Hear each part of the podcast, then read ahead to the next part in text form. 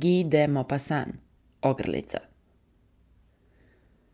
Bila je to jedna od onih lepih i ljubkih devojaka koje su se, kao nekom omaškom sudbine, rodile u činovničkim porodicama.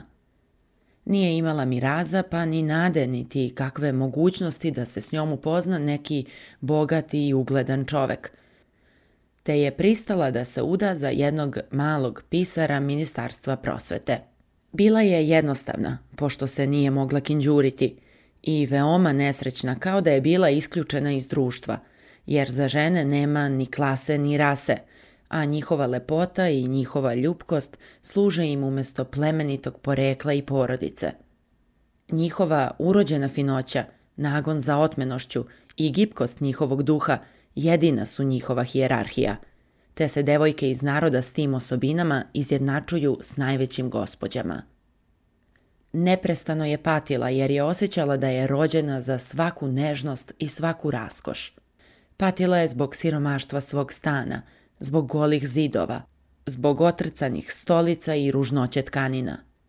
Nju su mučile sve te stvari koje neka druga žena njenog staleža ne bi ni primetila – Kad bi pogledala malu bretonku koja je vodila njihovo skromno domaćinstvo, dušu bi joj obuzelo gorko žaljenje i utonula bi u neostvarljive snove.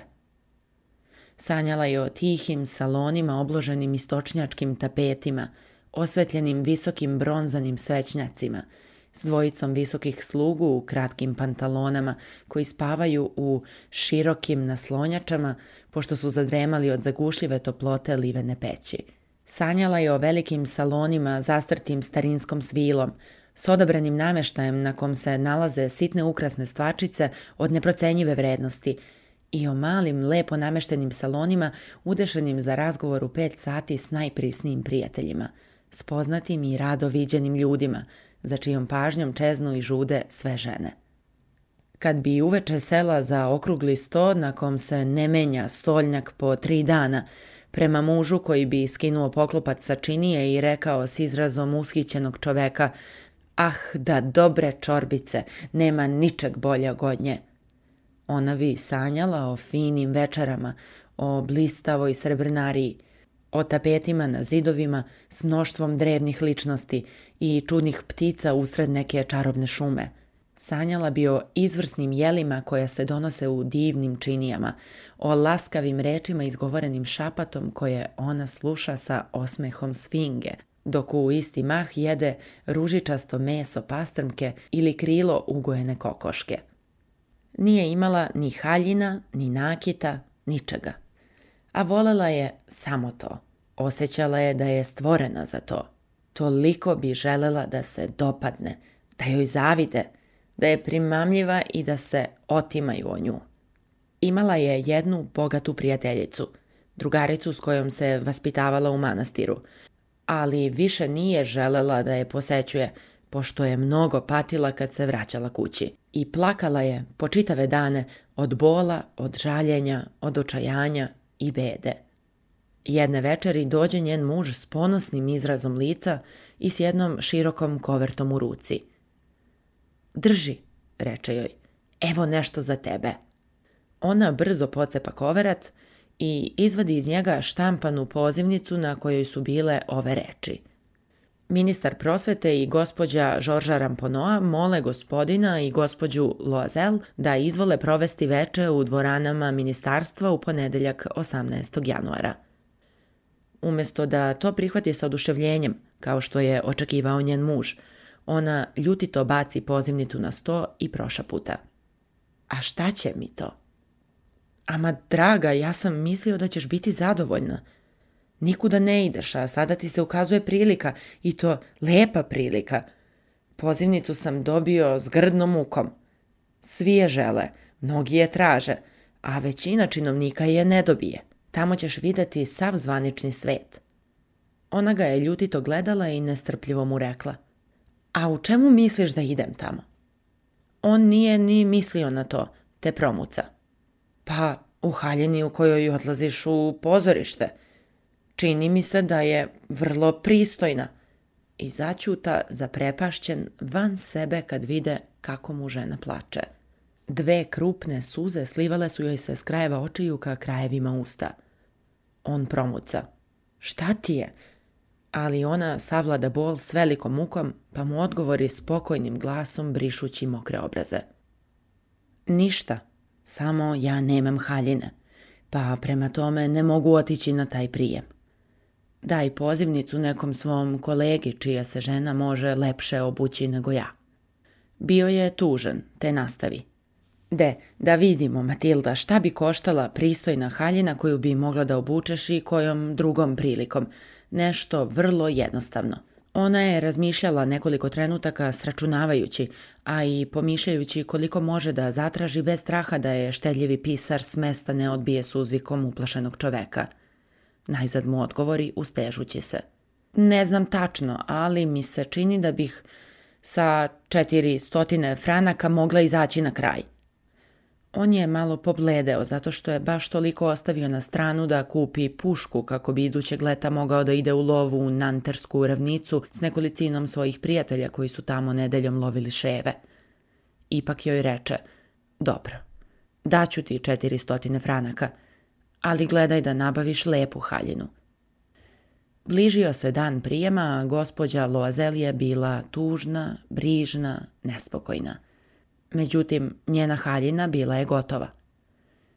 Muž joj jedne večeri reče Šta ti je? Nekako si mi čudna od pre tri dana. A ona mu odgovori Teško mi je što nemam nikakvog nakita, nikakav dragi kamen, ništa da stavim na haljinu. Izgledaću bedno. Više volim da ne idem na taj bal. On prihvati. Sakitit ćeš se prirodnim cvećem. To je vrlo otmeno u ovogodišnje doba. Za deset franaka dobit ćeš dve, tri divne ruže. To joj nije nikako išlo u glavu. Ne, za ženu nema većeg poniženja nego kad izgleda siromašna među bogatim ženama. Ali njen muž uzviknu. Baš si luda. Pa idi kod svoje prijateljice, gospođe Forestije, pa je zamoli da ti pozajmi svoj nakit. Ti si se prilično sprijateljila s njom, pa možeš to da učiniš. Ona povika od radosti. Istina, nisam ni mislila na to. Sutradan ode prijateljici i ispričaju ju kakvo je nevolji. Gospođa Forestije priđe svom ormanu s ogledalom, uze jednu široku kutiju, donese je i otvori, pa reče gospođi Loazel. Izaberi, draga moja. Ona najpre ugleda grivne, pa jednu ogrlicu od bisera, pa jedan mletački krst od zlata i drago kamenja. Divno izrađen.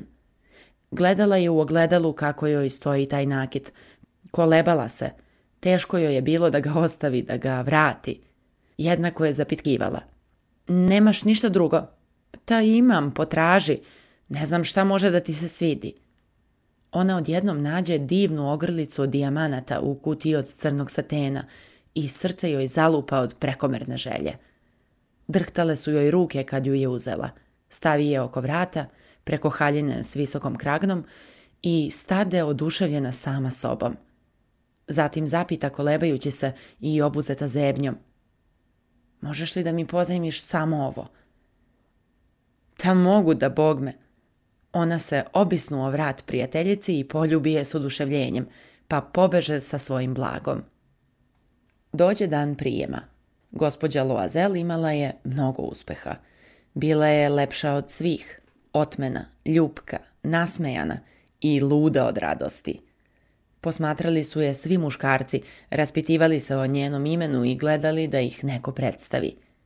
Svi činovnici iz ministrova kabineta želeli su s njom da odigraju valcer. Pala je u oči ministru.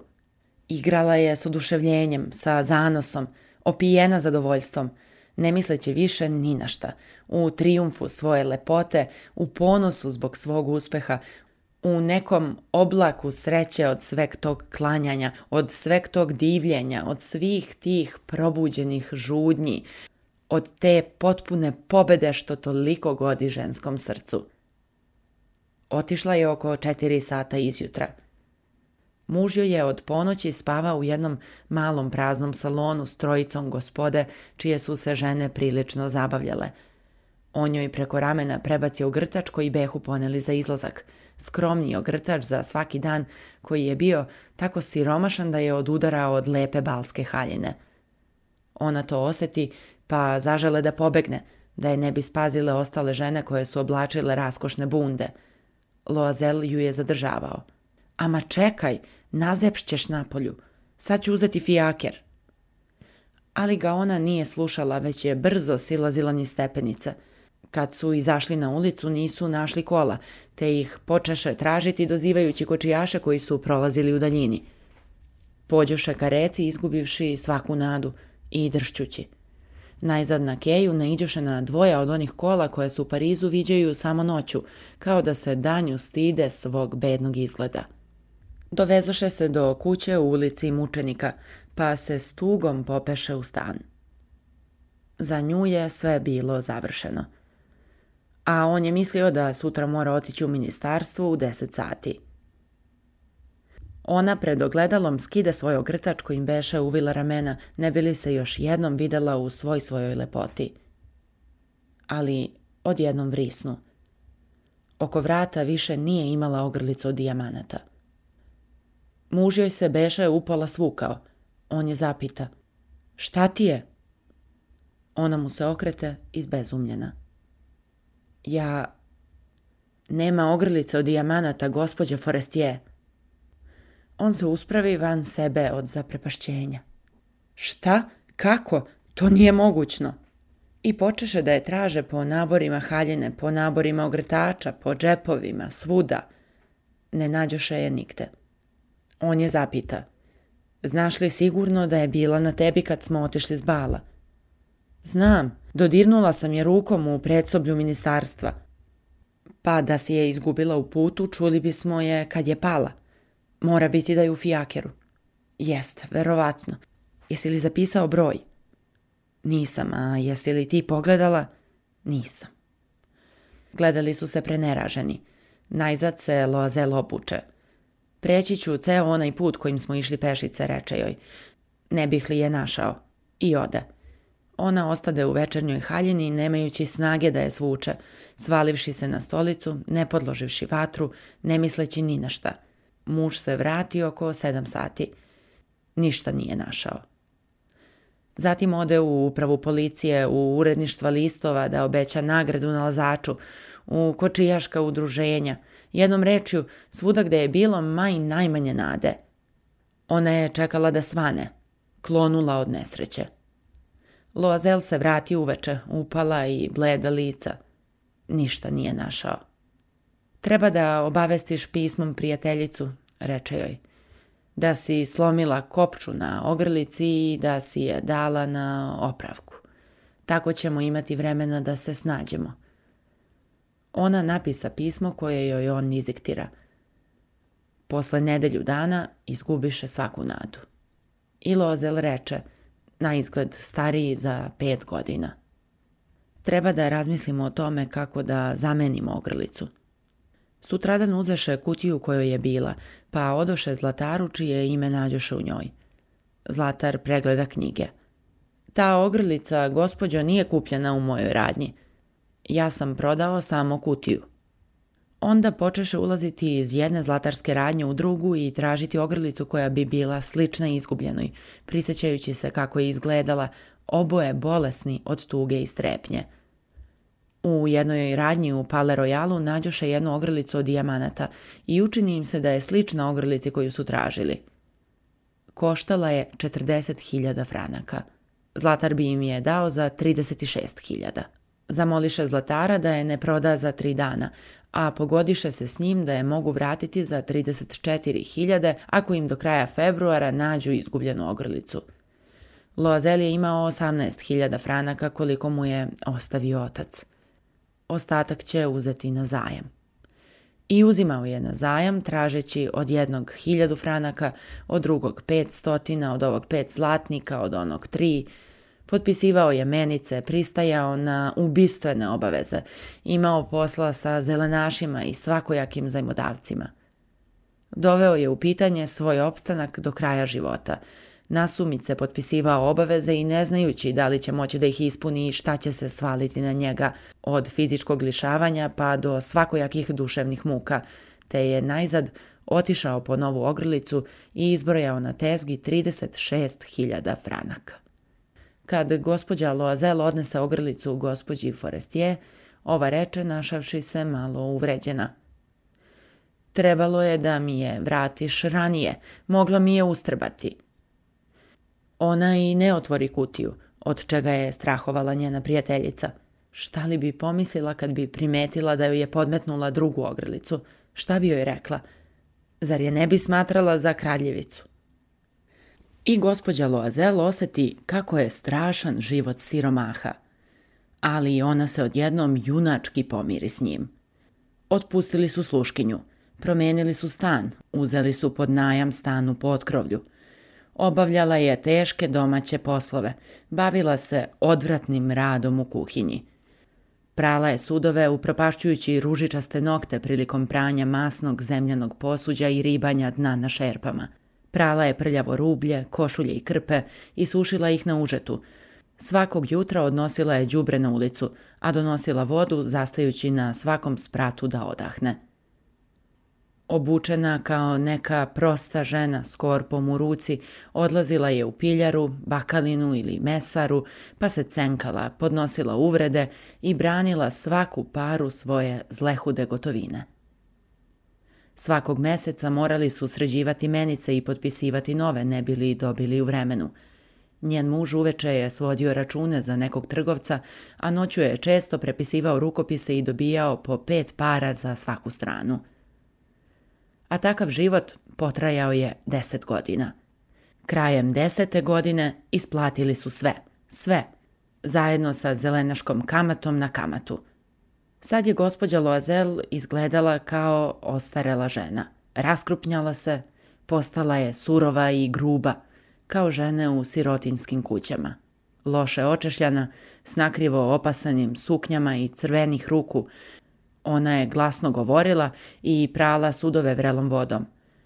Ali bi ponekad, kad bi joj muž bio u kancelariji, sedela pored prozora pa bi mislila na nekadašnje večernje poselo, na onaj bal kad je bila tako lepa i toliko cenjena. Šta bi se dogodilo da nije izgubila tu ogrlicu? Ko zna kako je život čudan, promenljiv, kako malo treba pa da čovek propadne ili da se spase.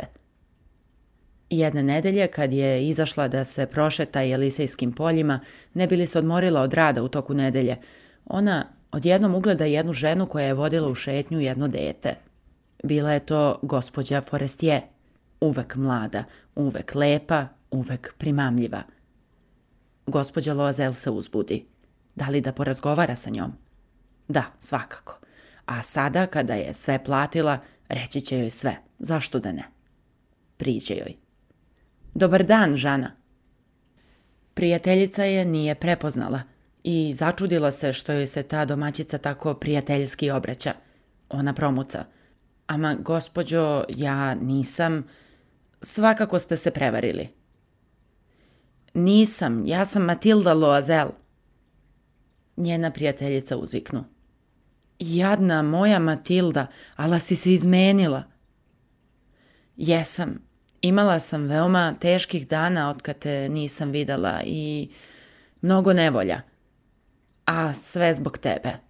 Zbog mene? Kako to? Sećaš li se one ogrlice s dijamantima koju si mi pozajmila za bal u ministarstvu? Sećam se, pa? Pa izgubila sam je. Kako? Pa donela si mi je. Donela sam ti drugu, onakvu istu. A evo već deset godina kako je otplaćujemo. Možeš misliti da nam to nije bilo lako, pošto ništa nismo imali. Najzad svršeno je i to, pa sam sad veoma zadovoljna. Gospođa Forestier je stala kao ukopana. Kažeš da si mesto moje ogrlice s dijamantima kupila drugu. Da, ali ti to nisi ni primetila, a? Bile su slične. I ona se smešila od radosti u kojoj je bilo ponosa i bezazlenosti.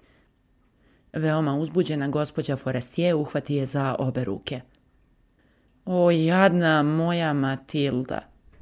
Ti dijamanti na mojoj ogrlici bili su lažni. Ona nije vredela više od 500 franaka.